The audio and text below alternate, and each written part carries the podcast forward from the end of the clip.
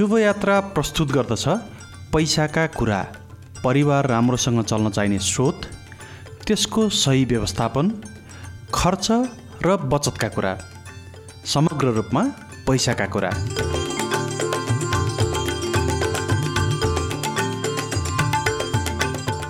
नमस्कार मेरो नाम मधु आचार्य हो। अघिल्लो पैसाका कुरा कार्यक्रममा थोरै लगानीमा कसरी अवसर खोज्न सकिन्छ भन्ने बारेमा कुराकानी गरेका थियौँ। आज चाहिँ पैसा बचत र सहकारी अभियानका बारेमा नवलपरासीका खेमराज सापकोटासँग गरेको कुराकानी लिएर आएको छु। म खेमराज सापकोटा गैँडाकोट नगरपालिका वडा नम्बर आठमा बस्छु। विगत लामो समयदेखि केही सामाजिक संस्थाहरूमा संलग्न पनि छु। म विशेष गरेर विजय विकास स्रोत केन्द्र जसलाई विजय युवा क्लबको नामले दुई हजार छत्तिस सालमा स्थापना भएको थियो। म चाहिँ यो संस्थामा दुई हजार बयालिस सालदेखि निरन्तर रूपमा लागिरहेको छु। त्यसै गरी बिगु बचत तथा ऋण सहकारी संस्था जुन चाहिँ मेरै नेतृत्वमा दुई हजार अडचालिस सालमा गैँडाकोटमा स्थापना भएको थियो। हामीले प्रति व्यक्ति प्रतिदिन एक मोर बचत गर्ने एउटा अभियानको रूपमा त्यो कार्यक्रमलाई सुरुवात गरेका थियौँ। सम्भवतः अहिले नेपालका केही राम्रा ठुला बलिया केही नमुना सहकारीहरूमध्ये एउटा सहकारीको रूपमा चिनिन्छ। त्यस्तै गरी विजय सामुदायिक रेडियो विजय एफएम जसलाई हामी भन्छौँ। त्यसको स्थापना गर्नमा पनि म संलग्न भएँ। त्यसमा पनि धेरै लामो समय काम गरेँ। त्यस्तै गरी हामीले गैँडाकोटमा र केहीको कार्यक्षेत्रहरू चाहिँ बाहिर पनि रहने गरिकन विजय लघु वित्त वित्तीय संस्था विजय सामुदायिक शिक्षा सहकारी संस्था लिमिटेड विजय फाउन्डेसन जस्ता संस्थाहरू चाहिँ स्थापना गरेर सामाजिक कामलाई अलिकति एकीकृत रूपमा अगाडि लैजानुपर्छ भन्ने किसिमले चाहिँ हामीले कामहरू गरिरहेछौँ। नवलपरासीको गैँडाकोटका सामाजिक अभियन्ता खेमराज सापकोटालाई मैले विगत चौध पन्ध्र वर्षदेखि चिन्छु। उहाँको व्यक्तिगत कथा र विश्वास चाहिँ मैले मेरो जिन्दगी मेरो विश्वास कार्यक्रम उत्पादनको सिलसिलामा करिब एक दशक अघि कुराकानी गर्दा थाहा पाएको थिएँ। खेमराज सापकोटा काठमाडौँ आएको मौका पारेर मैले उहाँसँग पैसासँगको यात्रा बचत र आर्थिक व्यवस्थापनका बारेमा कुराकानी गरेको छु। उहाँलाई मैले सुरुमा तपाईँको परिवार बागलुङको अनकन्टार गाउँबाट गैँडाकोटमा बसाइसराई कहिले र किन भएको हो भनेर सोधेको छु।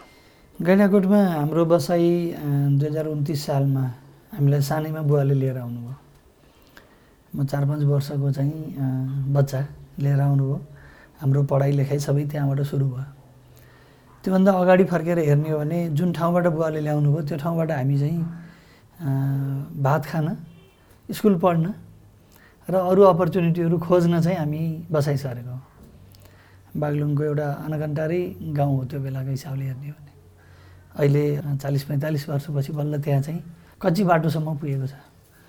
अरू पूर्वाधारहरू खानेपानी होइन बिजुली टेलिफोन अहिले पनि छैन। त्यस्तो ठाउँबाट हामी सऱ्यौँ यहाँ आइसकेपछि जुन ठाउँ थियो यो चाहिँ अलिकति आदिवासीहरूको बस्ती पनि रहेको। तर राम्रोसँग जग्गा जमिन प्रयोग गरेर र अरू व्यावसायिक अवसरहरूको उपयोग गरेको चाहिँ थिएन। केही गर्न सकिने ठाउँ थियो। खाली ठाउँ थियो एक प्रकारले। त्यहाँ चाहिँ जमिन लिएर खेती गर्दै अनि अरू व्यवसायहरू पनि बिस्तारै हाम्रो बुवाहरूको जेनेरेसनले नै सुरु गरेको त्यसले गर्दाखेरि त्यो ठाउँमा आएर इस्टाब्लिस हुन हामी त पढ्दै बढ्दै अगाडि बढ्यौँ। हाम्रो बुवाहरूलाई चाहिँ झन्डै पन्ध्र वर्ष जति लाग्यो। त्यसपछि केही सामाजिक संरचनाहरू पनि बने। विद्यालय बने कुलो बाटो मन्दिर आदि इत्यादि। धेरै अरू कुराहरू चाहिँ त्यसपछि बने। अनि त्यसले गर्दाखेरि इस्टाब्लिस हुने कुरा चाहिँ तर एउटा सामाजिक परिवेश चाहिँ कस्तो बन्यो भने त्यति बेला समाजमा केही नयाँ निर्माणहरू गर्नुपर्छ। त्यहाँ केही पनि थिएन विद्यालयहरू थिएनन् बाटोघाटो थिएन। एउटा सामाजिक हिसाबले भन्ने भने मन्दिर सङ्घ संस्थाहरू केही पनि जुन हाम्रो दैनिक जीवनमा उपयोगमा आउँछन् त्यस्ता चिजहरू चाहिँ थिएनन्। त्यो नभएको कारणले गर्दाखेरि पनि त्यहाँ चाहिँ केही बनाउनुपर्छ गर्नुपर्छ भनेर चाहिँ तीव्र रूपमा समाज लाग्यो। त्यो लागेको हुनाले चाहिँ त्यही कुरा हामीले सिक्यौँ। हाम्रो एउटा सामाजिक परिवेश चाहिँ त्यस्तो रह्यो। हाम्रो सामाजिकीकरण चाहिँ जहिले पनि नयाँ काम गर्नुपर्छ खोज्नुपर्छ आफ्नो काम आफैले गर्नुपर्छ भन्ने हो। त्यो कुराले गर्दाखेरि चाहिँ हामीलाई सिक्ने एउटा राम्रो परिवेश चाहिँ सिर्जना भयो। तपाईँ पाँच वर्षको उमेरमा आउनुभयो होइन जस्तो यो बाले आएर पन्ध्र वर्ष त स्थायित्व प्राप्त गर्नलाई पन्ध्र वर्ष लाग्यो। तपाईँहरूको घरमा अर्थव्यवस्थापन कसरी हुन्थ्यो त्यति बेला? र तपाईँले तपाईँले चाहिँ ए पैसा भनेको यो रहेछ यसरी यो कारणले चाहिँदो रहेछ यो महत्त्व रहेछ भन्ने कुरा चाहिँ कहिले बुझ्नुभयो खास त्यो कहिले महसुस भयो? मैले पैसा सम्झेर हेर्ने हो भने पैसा सम्झेको चाहिँ नोटको पैसा थिएन। पहिलो पैसा चाहिँ मैले डबल भन्थ्यौँ हामीले। एक मोहर एक सुगा एक रुपियाँ। एक रुपियाँ पनि अझै धेरै पछि देखेको। एक मोहर चाहिँ र एक सुगा चाहिँ हामीले देखेको पैसा। र हामीसँग धेरै हुने पैसा भनेको पाँच पैसा हो। पाँच पैसा लिएर स्कुल गयो भने पाँचवटा मिठाई आउँथ्यो। अनि साथीलाई बाँड्न नि हुने आफूलाई खाना पनि पहिलो पैसा सम्झेको चाहिँ त्यो थियो। बुवाले कारोबार गर्दाखेरि मैले सम्झिन्छु तोरी बेच्दा चार रुपियाँ पाथीमा त्यति बेला तोरी बेचेर धेरै नै पैसा बाले राखे जस्तो लाग्थ्यो। पहिलोचोटिको पैसा सम्झिने हो भने। तर पछाडि अलि ठुलो हुँदै जाँदाखेरि पैसा कहाँ कहाँ चाहिँदो रहेछ भनेर हेर्दाखेरि चाहिँ स्कुलमा एक कक्षामा पढ्दाखेरि एक मोहर फिस तिर्नु पर्थ्यो त्यो चाहिँ एकचोटि मेरो बुवाले मलाई दिएर पठाउनु भयो अनि केटाकेटी मान्छे खेल्दै चल्दै जाँदा कहाँ खस्यो थाहै भएन। स्कुल गएर पैसा दिनु खोज्दा त पकेटमा छैन। फर्केर आएर बुवालाई भने बुवाले एक चड्कन लगाइदिनु भयो। अनि त्यो दिन थाहा भयो पैसा त बडा महत्त्वपूर्ण कुरा रहेछ यो त। मायाभन्दा पनि अझ बढी महत्त्वपूर्ण रहेछ। त्यो त्यो चाहिँ मैले सम्झिन्छु। पैसाको जतन गर्नुपर्छ भनेर चाहिँ पहिलोचोटि शिक्षा पाएको चाहिँ त्यो चटकनले त्यो एक क्लासमा? एक क्लासमा। त्यो त केटाकेटीको बेलाको महत्त्व भयो। तर साँच्चैकै पैसाको भ्यालु बुझेको चाहिँ कहिले हो? पैसाको महत्त्व त हरेक दिन बढ्दै गयो थाहा हुँदै गयो हरेक चिज किन्न पऱ्यो कापी कलमदेखि त्यसले गर्दाखेरि सिक्दै त आइयो नै। तर अलि सङ्गठित गर्न सकिन्छ पैसालाई थोरैबाट पनि काम गर्न सकिन्छ। पैसा चाहिँ व्यवस्थापन गर्ने चिज हो भन्ने चाहिँ मैले घरबाट कसरी सिकेको थिएँ भने म छ सात कक्षामा पढ्दा नै बुवाले पसल राख्नुभएको थियो। त्यो कारोबारमा मैले सघाउँथेँ। अनि त्यति बेला चाहिँ थोरै थोरै पैसा जम्मा गरेर व्यापारको पैसा चाहिँ सानो हुन्थ्यो। त्यो बेला म सम्झिन्छु चिनीको मूल्य चाहिँ दुई रुपियाँ पचहत्तर पैसा प्रति केजी थियो। अनि त्यो त यो पैसा थोरै थोरै जम्मा पारेर धेरै पैसा बनाएर अनि त्यसलाई रबरले बाँझेर अनि त्यसपछि बजारमा सामान किन्न बुवा जानुहुन्थ्यो। हप्ता दस दिन पन्ध्र दिनमा चाहिँ बाहिर गएर लिएर आउनुहुन्थ्यो। थोरै पैसा जम्मा गरेर धेरै पैसा जम्मा गर्ने सामाजिक रूपमा हेर्दाखेरि चाहिँ जति बेला हामीले विजय युवा क्लबमा सङ्गठित भएर हामी केही सामाजिक काम गर्न भनेर लाग्यौँ त्यति बेला पैसा चाहियो। अनि त्यो बेला पैसा जुटाउने भनेको चन्दा सङ्कलन गर्ने या अरू खालका केही कार्यक्रमहरू गर्ने पैसाको लागि जस्तो एउटा सम्झिन्छौँ हामी सर्कस कम्पनीसँग। उसले सर्कस देखाउने हामीले विजय युवा क्लब तत्कालीन त्यसका सदस्यहरूले चाहिँ भोलिन्टियर गर्ने त्यसको केही पर्सेन्ट चाहिँ संस्थालाई दिने। त्यसरी पैसा जम्मा गर्थ्यौँ। अनि त्यो पैसाले चाहिँ सामाजिक काममा लगाउँ त्यो तरिकाले काम गऱ्यौँ। पछि आएर चाहिँ के लाग्यो भने हामी भोलिन्टियरली काम पनि गरिरहेछौँ तर घर परिवारको समय चोरेको त हो नि त हामीले। त्यो एक दिन चाहिँ कहाँ गएर जोडिन्छ त? समाजमा पनि जहिलेसुकै पैसाको खाँचो छ। केही काम गर्न खोज्यो कि पैसा नै अगाडि आउँछ। त्यसपछि के गर्ने त भनिसकेपछि त्यसको एउटा दिगो उपायको पनि कुरा हो। एक दुईवटा साना परियोजनाहरू त हामीले बाहिरबाट सहयोग पनि ल्यायौँ वृक्षारोपणको लागि पैसा ल्यायौँ खानेपानीको लागि पैसा ल्यायौँ एउटा रिक्सा किनेर चाहिँ गरिबहरूलाई सञ्चालन गर्न दिने भनेर केही पैसा आयमूलक काम गर्न पैसा ल्यायौँ। तर त्यो पैसा त कति दिनसम्म बाहिरबाट आउने? अनि माग्नु को हिँडिरहने पैसा जुटाउनलाई बाहिर हिँड्दा पनि त पैसै खर्च हुँदो रहेछ। भनेपछि हामीले आफैले पनि त गर्न सक्छौँ होला। भन्ने लागेर जति बेला हामीले एउटा बचत कार्यक्रम सुरु गर्ने भनेर लाग्यौँ एउटा सङ्गठित रूपमा पैसा चाहिन्छ। त्यो चाहिँ स्रोत धेरैतिर छ। तर बाह्य स्रोत कठिन पनि छ दिगो पनि छैन। त्यस कारण स्थानीय स्रोत नै ल्याउनुपर्छ जुटाउनुपर्छ खोज्नुपर्छ भनेर जब पहिलोचोटि हामी लाग्यौँ त्यो चाहिँ एउटा सङ्गठित कुरा चाहिँ त्यहाँबाट सुरुवात भयो। तपाईँहरूले तपाईँले मलाई सम्झना छ त्यो वीर हस्पिटलको एकजना लासको। कथा पनि लिएर आउनुभएको थियो। होइन? त्यो त्यो कथा चाहिँ के हो? खासै यो योसँग जोडिन्छ जस्तो लाग्छ मलाई चाहिँ। यो कथा चाहिँ कस्तो हो भने चौवालिस सालतिर म चाहिँ काठमाडौँमा केही काम गरौँ। अलिकति जागिरै खोज्ने हिसाबले। हाम्रो पारिवारिक व्यवस्थापनको हिसाबले त्यति बेला के भएको थियो भने बुवाले तेस्रो बिहे गर्नुभयो। घरमा म जेठो छोरो। अरू भाइहरू बहिनीको पढाइ पनि अगाडि बढाउनु पर्ने। केही कमाउनुपर्छ भन्ने लाग्यो। अनि काम गर्दै गर्नको लागि चाहिँ काठमाडौँ आएर त्यति बेला साई औषधि लिमिटेडमा चाहिँ जाहिर खान सुरु गरेँ। अनि त्यो बेला हामीले सस्तो घर एउटा डेरा खोज्दै जाने क्रममा म र अर्को एकजना साथी चाहिँ त्यो वीर हस्पिटलको पछाडिपट्टि हामी चाहिँ त्यहाँ डेरा गरेर बस्थ्यौँ। त्यो बस्ने क्रममा चाहिँ भएको देखेको घटना हो त्यो। दैनिक चाहिँ त्यहाँबाट बस चढेर यहाँ साई औषधिमा चाहिँ जाहिर खान आउँथ्यौँ हामी। आउने क्रममा सधैँ जसो त्यो बाटोमा धेरै अरू माग्नेहरू पनि हुन्थे तर एउटा चाहिँ अलि विशेष खालको मान्छे थियो। खाइलाग्दै देखिन्थ्यो तर ऊ अलि अपाङ्ग जस्तो भएर मागिरहेको हुन्थ्यो। वरिपरिका मान्छेहरूले अलि हेर दृष्टिकोणले पनि हेरेको। सधैँ देखिन्थ्यो अनि अलिअलि थोरै थोरै पैसा जम्मा गरेर त्यही नजिकको मोमो पसलबाट कहिले अलि तातो मोमो लिएर खाइरहेको पनि हुन्थ्यो। खान चाहिँ खुब लोभी जस्तो लाग्थ्यो त्यो मान्छे हेर्दाखेरि। अलिअलि पैसा जम्मा हुनु पाएको छैन त्यहीँबाट मागेर केही खाइरहेको हुन्थ्यो।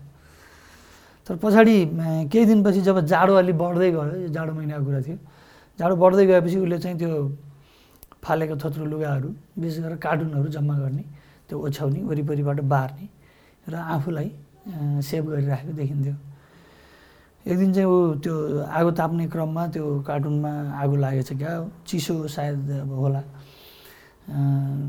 पोलेछ। पोलेपछि घाउ भयो। ऊ हिँड्न चल्न चाहिँ अलिक पहिलादेखि नै सक्दैन थियो धेरै टाढा टाढा जानु सक्दैन थियो अब त झन् नसक्ने भयो। नसक्ने भइसकेपछि त्यो घाउको उपचार पनि भएन केही पनि भएन। जहिलेसुकै माग्ने अनि पछि पछि त अलिक दया लाग्न थाल्यो। कहिलेकाहीँ हामीले पनि म रुपियाँ त्यहाँ यसो दिएर जान्थ्यौँ। तर एक दिन ऊ अनायासै मऱ्यो। मरिसकेपछि हामी अफिसबाट फर्किँदै थियौँ त्यो दिन। एउटा कपडाले ढाकेको रहेछ अनि पैसा त यति धेरै फालेको। त्यो मरेको मान्छेको माथि राखेको कपडामा चाहिँ पैसा त त्यो दिन त सधैँ अब एक सुक्का एक मोहर एक रुपियाँ दिनेहरूले पाँचको नोट दसको नोटसम्म चाहिँ फालेको देखियो। मान्छेको संवेदना कस्तो भन्ने लाग्यो कि अकस्मात चाहिँ। हिजो जिउँदो थियो। त्यहीँ नजिकै वीर हस्पिटल थियो। हामीले पनि गरेनौँ। अरूले गरेन भन्दा मैले पनि त गरिनँ। त्यसलाई हस्पिटल लगेर के भएको भनेर उपचार गरे भए नि हुन्थ्यो। त्यतातिर हामीले सोचेनौँ।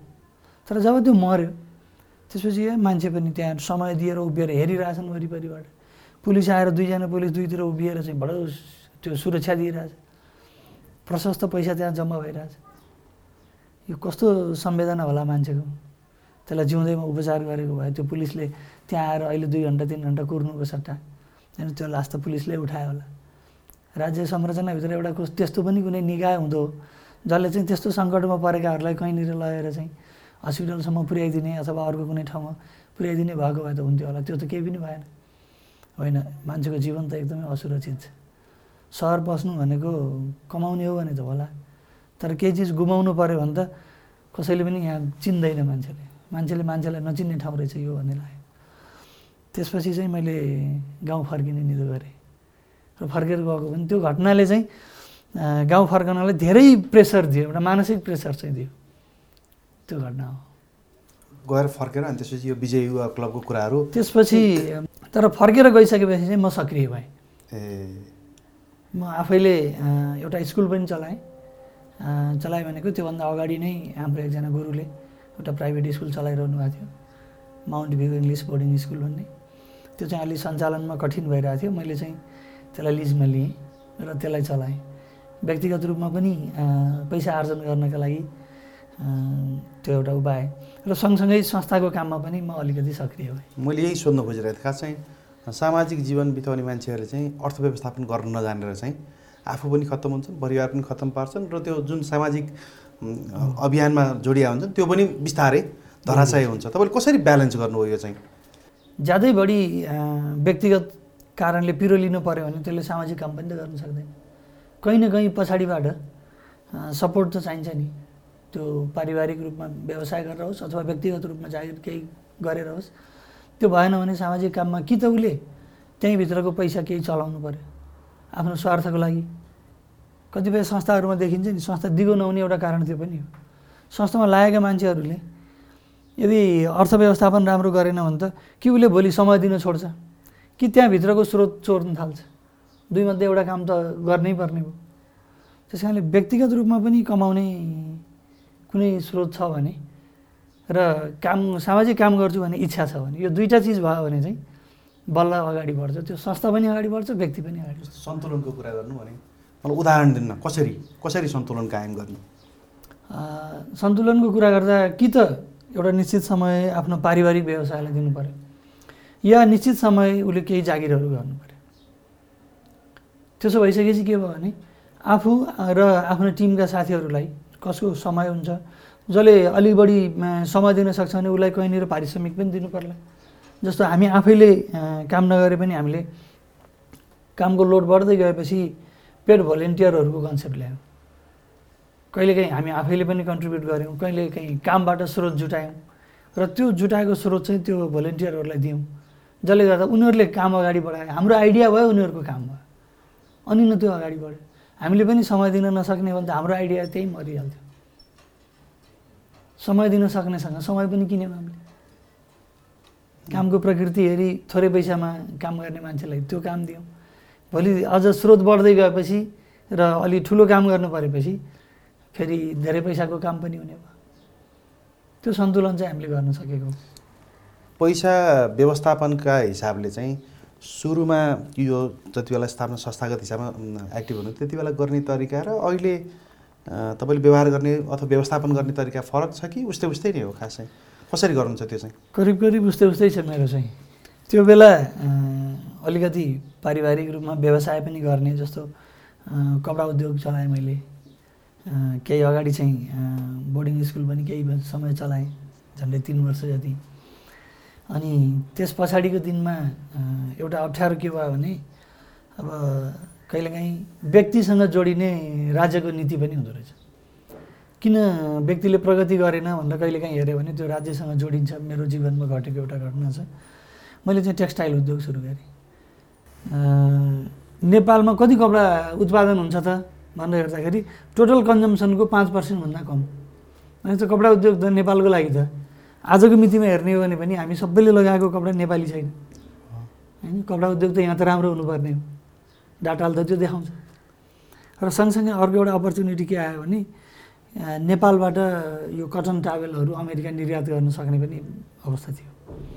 त्यो भएपछि अब यो व्यवसाय चाहिँ दुई किसिमले नै राम्रो छ भनेर मैले कपडा उद्योग सुरु गरेँ। कपडा उद्योग सुरु गरिसकेपछि सानोबाट बिस्तारै बढाउँदै अनुभव गर्दै आफैले पनि काम गर्थेँ त्यहाँ दिउँसोमा संस्थाका कामहरू हिँडियो तर राति अबेलासम्म बिहानैदेखि आफूले पनि काम गर्थेँ। मेरो श्रीमतीले काम गर्थेँ बाहिरबाट अरू स्टाफहरू राखेर काम लिन्थ्यौँ। टेक्निकल काम चाहिँ बाहिरबाटै हुन्थ्यो। म्यानेजमेन्टको हामीले गर्थ्यौँ। अनि एक दिन चाहिँ कस्तो बेला आयो भने जब फ्याक्ट्री फुल फ्लेजमा चल्यो नेपालबाट एकदमै राम्रोसँग अमेरिका निर्यात पनि भइरहेको थियो। गभर्मेन्टलाई एउटा कोटा आएछ। नेपालको गार्मेन्ट प्रडक्टहरू चाहिँ अलिकति बढी गइरहेछ। यसमा चाहिँ कुन कुन आइटममा कोटा लगाउने? भनिसकेपछि नेपाल सरकारका ब्युरोक्राट्सहरूलाई पोलिटिसियनहरूलाई चाहिँ नेपालमा कटन टावेल छ यसको उत्पादन हुन्छ। भन्ने चाहिँ उनीहरूको जानकारीमै रहन्छ। सायद यो आइटम चाहिँ नेपालबाट जाँदैन भनेर त्यो आइटम चाहिँ उनीहरूले नजानेको लिस्टमा नपठाउनेको लिस्टमा राखिदिए। हाम्रा उद्योगहरू धराशायी भए म मात्रै होइन नेपाल कटन टावेल निर्यात सङ्घ भनेर हामीले बयानब्बेवटा उद्योगहरूको एउटा सङ्घ पनि बनाएको थियौँ। त्यो बयानब्बेवटा उद्योग एकैचोटि एउटा निर्णयले धराशायी भयो। त्यसले मलाई पनि ठुलो सङ्कटमा पार्यो। ब्याङ्क लोन थियो अनि एकैचोटि बयालिसजना कर्मचारीहरू थियो त्यति बेला मेरो पेरोलमा आउने। उनीहरूको जागिर त गयो गयो। म पनि ठुलो सङ्कटमा परेँ। अनि ब्याङ्कले पनि अब दैनिक झन् ताकेताता गर्ने नै भयो। वाणिज्य ब्याङ्कले लिलामीमा चाहिँ राख्यो। मैले चाहिँ के सोचेँ भने यो टेन्सनमा चाहिँ बसेर हुँदैन। यो बेचबिखन गरेर ब्याङ्कलाई बुझाएर आफू चाहिँ स्वतन्त्र भएर फेरि नयाँ जिन्दगी सुरु गर्ने हो। त्यति बेलै अरू साथीहरूको एउटा स्ट्राटेजी के थियो भने अब चाहिँ केही गर्न सकिन्न। जहिलेसम्म यो ब्याङ्कले थर्काउँछ थर्काइरहन्छ यसलाई पनि यो पनि त एक दिन गल्छ। मूल्य पनि वृद्धि हुन्छ कुनै दिन। त्यस कारणले त्यो बेला बेचेर चाहिँ अलिकति तिरौँला अलिकति जोगाउँला भन्ने चाहिँ एउटा रणनीति बन्यो। धेरैले त्यसो पनि गर्नु। तर मलाई चाहिँ के लाग्यो भने निलो पाइन्ट र सेतो सर्ट लगाएको मान्छे कतै आयो भने ऊ पर देख्यो भने यो चाहिँ वाणिज्य ब्याङ्ककै कर्मचारी हुनुपर्छ भनेर तर्सिनु पर्ने स्थिति भयो। बच्चा बच्चीहरू पनि डराउलान् जस्तो भइसक्यो। यो काम चाहिँ मैले गर्दिनँ। ब्याङ्कसँग एउटा नेगोसिएसन गरेर ल मेरो चाहिँ लिलामी गर्नुहुन्छ भने नि गर्नुहोस्। होइन भने मेरो क्यापासिटी जे छ मेरो सम्पत्ति चाहिँ म हस्तान्तरण गर्न तयार छु। मलाई चाहिँ फ्री गरिदिनुहोस्। जिन्दगीलाई फेरि एकचोटि नयाँ ढङ्गले सुरु गर्न सकिन्छ। भने साँच्चै नेगोसिएसन पनि भयो। अनि भएको प्रोपर्टी जति देखिन्थ्यो त्यो सबै बेचेर मैले ब्याङ्कलाई पनि बुझाएँ। र अन्तिममा मसँग चाहिँ हातमा शून्य थियो। शून्य नै? शून्य नै थियो। एक लाख रुपियाँ चाहिँ मसँग त्यो पनि ब्याङ्कलाई कम देखाएर। अब यो हो अवस्था। म घर पनि तपाईँको लागि बेच्दैछु। त्यो सबै नेगोसिएसन गरेर रातिमा घर सर्ने अवस्थामा तयारी अवस्था थियो। त्यहाँनिर मेरो व्यक्तिगत अर्थव्यवस्थापन चाहिँ कसरी बिग्रेको थियो भने राज्यको नीतिसँग जोडिएर बिग्रेको थियो। म लगायत थुप्रै हामी चाहिँ गएको थियौँ। तर आँटले मान्छेलाई चाहिँ फेरि अगाडि लाँदो रहेछ। एक दिन संयोग के पऱ्यो भने जसलाई मैले घर बेचेको थिएँ त्यो मान्छेलाई चाहिँ यो पैसा मलाई एडभान्स दिनुहोस् मैले ब्याङ्क बुझाउँछु र तपाईँलाई जग्गा पासको प्रोसेसमा म अगाडि जान्छु भनेर माग्न गएँ। उसले चाहिँ के गर्यो भने बोलेको मूल्यभन्दा एक लाख रुपियाँ कम मात्रै दिन सक्छु मैले भनेर टुङ्गिसकेको कुरामा चाहिँ उसले बाँझो हाल्यो। त्यो एउटा राम्रै संयोग रहेछ। मलाई त त्यति बेला बहुत दुःख लाग्यो। सारा सम्पत्ति बेचेर चाहिँ ब्याङ्क बुझाएर आनन्दसँग बस्छु नयाँ जिन्दगी सुरु गर्छु भन्दा पनि नपाउने यो कस्तो भाग्य रहेछ मेरो। भन्ने लाग्यो अनि अलि नमिठो लाग्यो। श्रीमान श्रीमती निकै दुःख पनि सेयर गऱ्यौँ एक आपसमा। साँच्चै भन्दा त्यो रात रोएर कति बेला निधायो थाहै भएन। तर भोलि बिहान उठ्दाखेरि चाहिँ एउटा अर्कै जोस आयो। ठिक छ त्यसो भने यति त ऋण पनि राख्न सकिन्छ होला। यो घर बराबरको जुन मूल्य गरेको थियो त्यति चाहिँ सापट्टि मागौँ र त्यहाँ तिरौँ। हामी त काम गर्न सक्ने अवस्थामा त छौँ। त्यस कारणले चाहिँ यो घर जोगियो भने बस्नुहुन्छ। बाँकी कुरा चाहिँ ब्याज तिर्नु पैसा कमाउनु पनि सकिएला यो ऋण राखौँ भनेर एउटा नयाँ निर्णय गऱ्यौँ। भोलिपल्ट त्यो मान्छेले खबर पठायो अलि अबेला ल ठिकै छ त्यसैमा भयो लिने भनेर अब मैले दिन्न। मेरो चाहिँ अलिकति रणनीति चेन्ज भयो। भनेर त्यो जग्गा चाहिँ राखेँ त्यो घर जग्गालाई चाहिँ नबेचेर राखेँ अनि पछाडि अलिकति दुई तिन वर्षमा चाहिँ त्यो कमाएर पनि तिर्यौँ रह्यौँ र अहिले चाहिँ त्यसले एउटा ऊ चाहिँ दिएको छ। त्यति बेला हामीले गर्नुपर्ने मलाई थाहा पनि भएको कुरा के थियो भने मेरो सबै प्रोपर्टीहरू चाहिँ व्यवसायमा लगाउनु हुन्थेन। भनिन्छ नि सबै अन्डाहरू एउटै क्रेटमा नराख्नु त्यो हुन्थेन। तर के थियो भने सीमित पुँजी आफूसँग भइसकेपछि कि त व्यवसाय नै गर्नु भएन त्यो खालको? त्यो एउटा आँट चाहिँ मैले गरेको थिएँ। जे हुन्छ हुन्छ भनेर एउटा आँट गरेको थिएँ। अनि पछाडि अर्को आँटले चाहिँ मलाई फेरि त्यो डुब्न सकिनेबाट चाहिँ जोगायो। तर कहिलेकाहीँ के हुँदो रहेछ भने विचार डह्रो भयो भने आँट भयो भने चाहिँ पैसालाई फेरि अर्कोचोटि कमाउनु पनि सकिन्छ घुमाउनु पनि सकिन्छ। अहिले अहिले आएर हेर्ने हो भने यसो गरेको तेह्र चौध वर्ष अगाडि हो। चौध वर्षपछि आएर हेऱ्यो भनेदेखि चाहिँ त्यही सम्पत्ति जुन त्यो दिन जोगाएर राखेको त्यसको मूल्य वृद्धि हेर्ने हो भने त्यसपछिका दिनमा चाहिँ म मेरो श्रीमतीले मेहनत गरेर कमाएको पैसा हेर्ने हो भने हामी चाहिँ अब त्यो सङ्कटको भुमरीबाट माथि उठिसकेका छौँ। छोराछोरीलाई पढाइयो उनीहरूले पनि आफ्नो ठाउँ समातिसके र अब त्यस्तो अवस्था चाहिँ छैन। एउटा बेला आउँदो रहेछ यो अर्थव्यवस्थापन चाहिँ व्यक्तिको जीवनमा निकै महत्त्वपूर्ण चाहिँ हुँदो रहेछ। कुन बेला त्यो त्यो भनेको चाहिँ जति बेला मैले नयाँ नयाँ कुराहरू गर्न सक्छु भन्ने एउटा आँट आउने बेला हुन्छ। त्यो भनेको पैँतिसभित्र। उनीहरूको हिसाबले यो कसैलाई चालिससम्म लागु हुन्छ होला कसैलाई तिसै पै पच्चिस तिसमै हुन्छ होला। तर मेरो हिसाबले हेर्ने भने पैँतिस चालिस वर्षभित्रमा चाहिँ एउटा बाटो चाहिँ मान्छेले समातिसक्नुपर्छ। त्यो त्योभन्दा अगाडि जति पनि जोखिम लिए हुन्छ। तर जब पैँतिस चालिस वर्षमा हामी आउँछौँ त्यो बेलासम्ममा चाहिँ अब सुरक्षित अवस्थामा चाहिँ बसिसक्नुपर्छ। अब अहिले आएर चाहिँ अहिले अहिलेको आर्थिक व्यवस्थापनको तपाईँको व्यवहार कसरी गर्नुहुन्छ? कसरी व्यवस्थापन गर्नुहुन्छ अहिले चाहिँ? के छ तपाईँले सेयर गर्न मिल्ने? हो मिल्ने खालका कुराहरू चाहिँ सेयर गर्न मिल्ने? एक किसिमले मैले अलि ओपन रूपमा आफ्नो कुराहरू भन्छु पनि। मैले सुरुदेखि नै एउटा काम चाहिँ हामी के गर्थ्यौँ भने दैनिक आम्दानी खर्च लेख्ने काम चाहिँ हामीले गर्थ्यौँ। हामी श्रीमान श्रीमतीको बिचमा चाहिँ यो सल्लाह थियो। धेरै पुराना त्यो डेबुकहरू हाम्रो अहिले पनि छन्। बिचबिचमा कहिलेकाहीँ त्यो खलवलिन्थ्यो म केही लामो समय बाहिरतिर गएँ भने अनि त्यसपछि अथवा त्यस्तै अल्छी लाग्ने कुराहरू नि कहिलेकाहीँ हुन्छ नि जीवनमा। त्यस्तो हुँदाखेरि चाहिँ त्यो खलबलिन्छ तर सामान्यतया हामीले जहिले पनि आम्दानी खर्च लेख्ने गर्छ। त्यो चाहिँ छोराछोरीले पनि देखे। छोराछोरीले पैसा माग्यो भने उनीहरूलाई हामीले पैसा नदिने होइन। तर उनीहरूलाई दिएको पैसा कहाँ खर्च भयो भनेर बेलुका लेख लेखिँदाखेरि उनीहरूले अनावश्यक रूपमा पैसा माग्नै सक्दैन।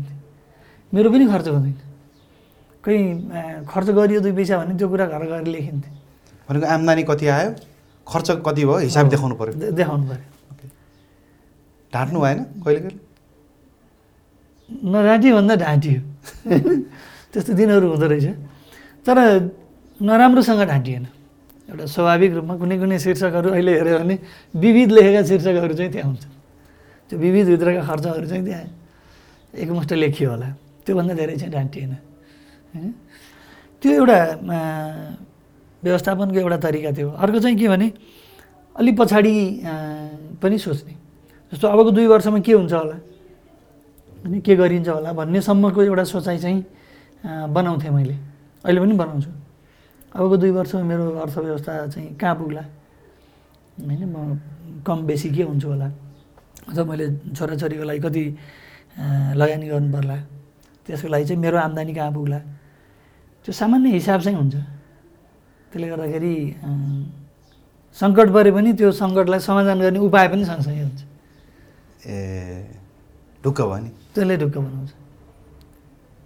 जस्तो तपाईँहरूले त बचत गर्नुपर्छ भन्ने संस्कृति सुरु गर्नुभयो। अहिले चाहिँ प्राय बचत होइन लगानी गर्नुपर्छ भन्दा रहेछन् होइन। दुइटै कुरा सँगै हो नै। किनभने लगानी नगरी बचत बढ्दैन। तर सुरुवात कहाँबाट गर्ने भन्यो भने पनि दुईवटा थट छ। म चाहिँ बचतबाटै सुरु गर्नुपर्छ भन्छु। किन? त्यो चाहिँ किन भन्छु भने धेरै लगानी गरेर कमाउनेहरूले पनि बचाउन नसक्दाखेरि पछाडि फर्केर आफ्नै जीवनप्रति आफैप्रति गुनासो युक्त जिन्दगी बिताएको मैले देखिरहेको छु। बाहिरबाट देख्दाखेरि नि के देखिन्छ भने आफ्नो समयमा राम्रै गरेकाहरूले पछिल्लो समयमा आएर दुःख पाएको पनि देखिन्छ। त्यहाँनिर कसैलाई दोष लाउने ठाउँै छैन। आफ्नै कारण हो। त्यसो भएर त्यो सुरुवात बचतबाट भएको छ भने थोरै बचत गरेर धेरै लगानी गर्नुपर्ने पनि हुन्छ। त्यसको लागि चाहिँ लगानीका स्रोतहरू बाहिरबाट नि खोज्नु पर्ला बचतले मात्रै पुग्दैन। आफूले गरेको बचत मात्रै लगानी गर्ने हो भन्ने चाहिँ होइन। तर बचत गर्न सुरु गर्ने त्यसले आफ्नो एउटा खर्च गर्ने बानी त्यो व्यवस्थापनको तरिका सिकाउँछ। हरेक महिनामा गएर यति गति मैले सय रुपियाँ बचत गर्छु पचास रुपियाँ बचत गर्छु भन्यो भने त्यो मान्छे एउटा नियममा हिँड्छ भन्ने भइहाल्थ्यो सय रुपियाँ बचत गर्दाखेरि गर्दाखेरि उसले के सम्झिन्छ भने हजारौँ रुपियाँ फजुल खर्च गरिरहेको छ भने त्यो चाहिँ झलक्क उसलाई याद त्यसको लागि बचतबाट सुरु गर्नुपर्छ। लगानी त आफ्नो र बाह्य दुइटै स्रोतहरू खोजेर लगानी गरेर काम गर्नुपर्छ र आर्जनको केही भाग फेरि बचत चाहिँ कन्टिन्यू गरि नै रहनुपर्छ। यो तरिकाले गयो भने जीवन सहिलो हुन्छ। जीवन सहिलो हुन्छ।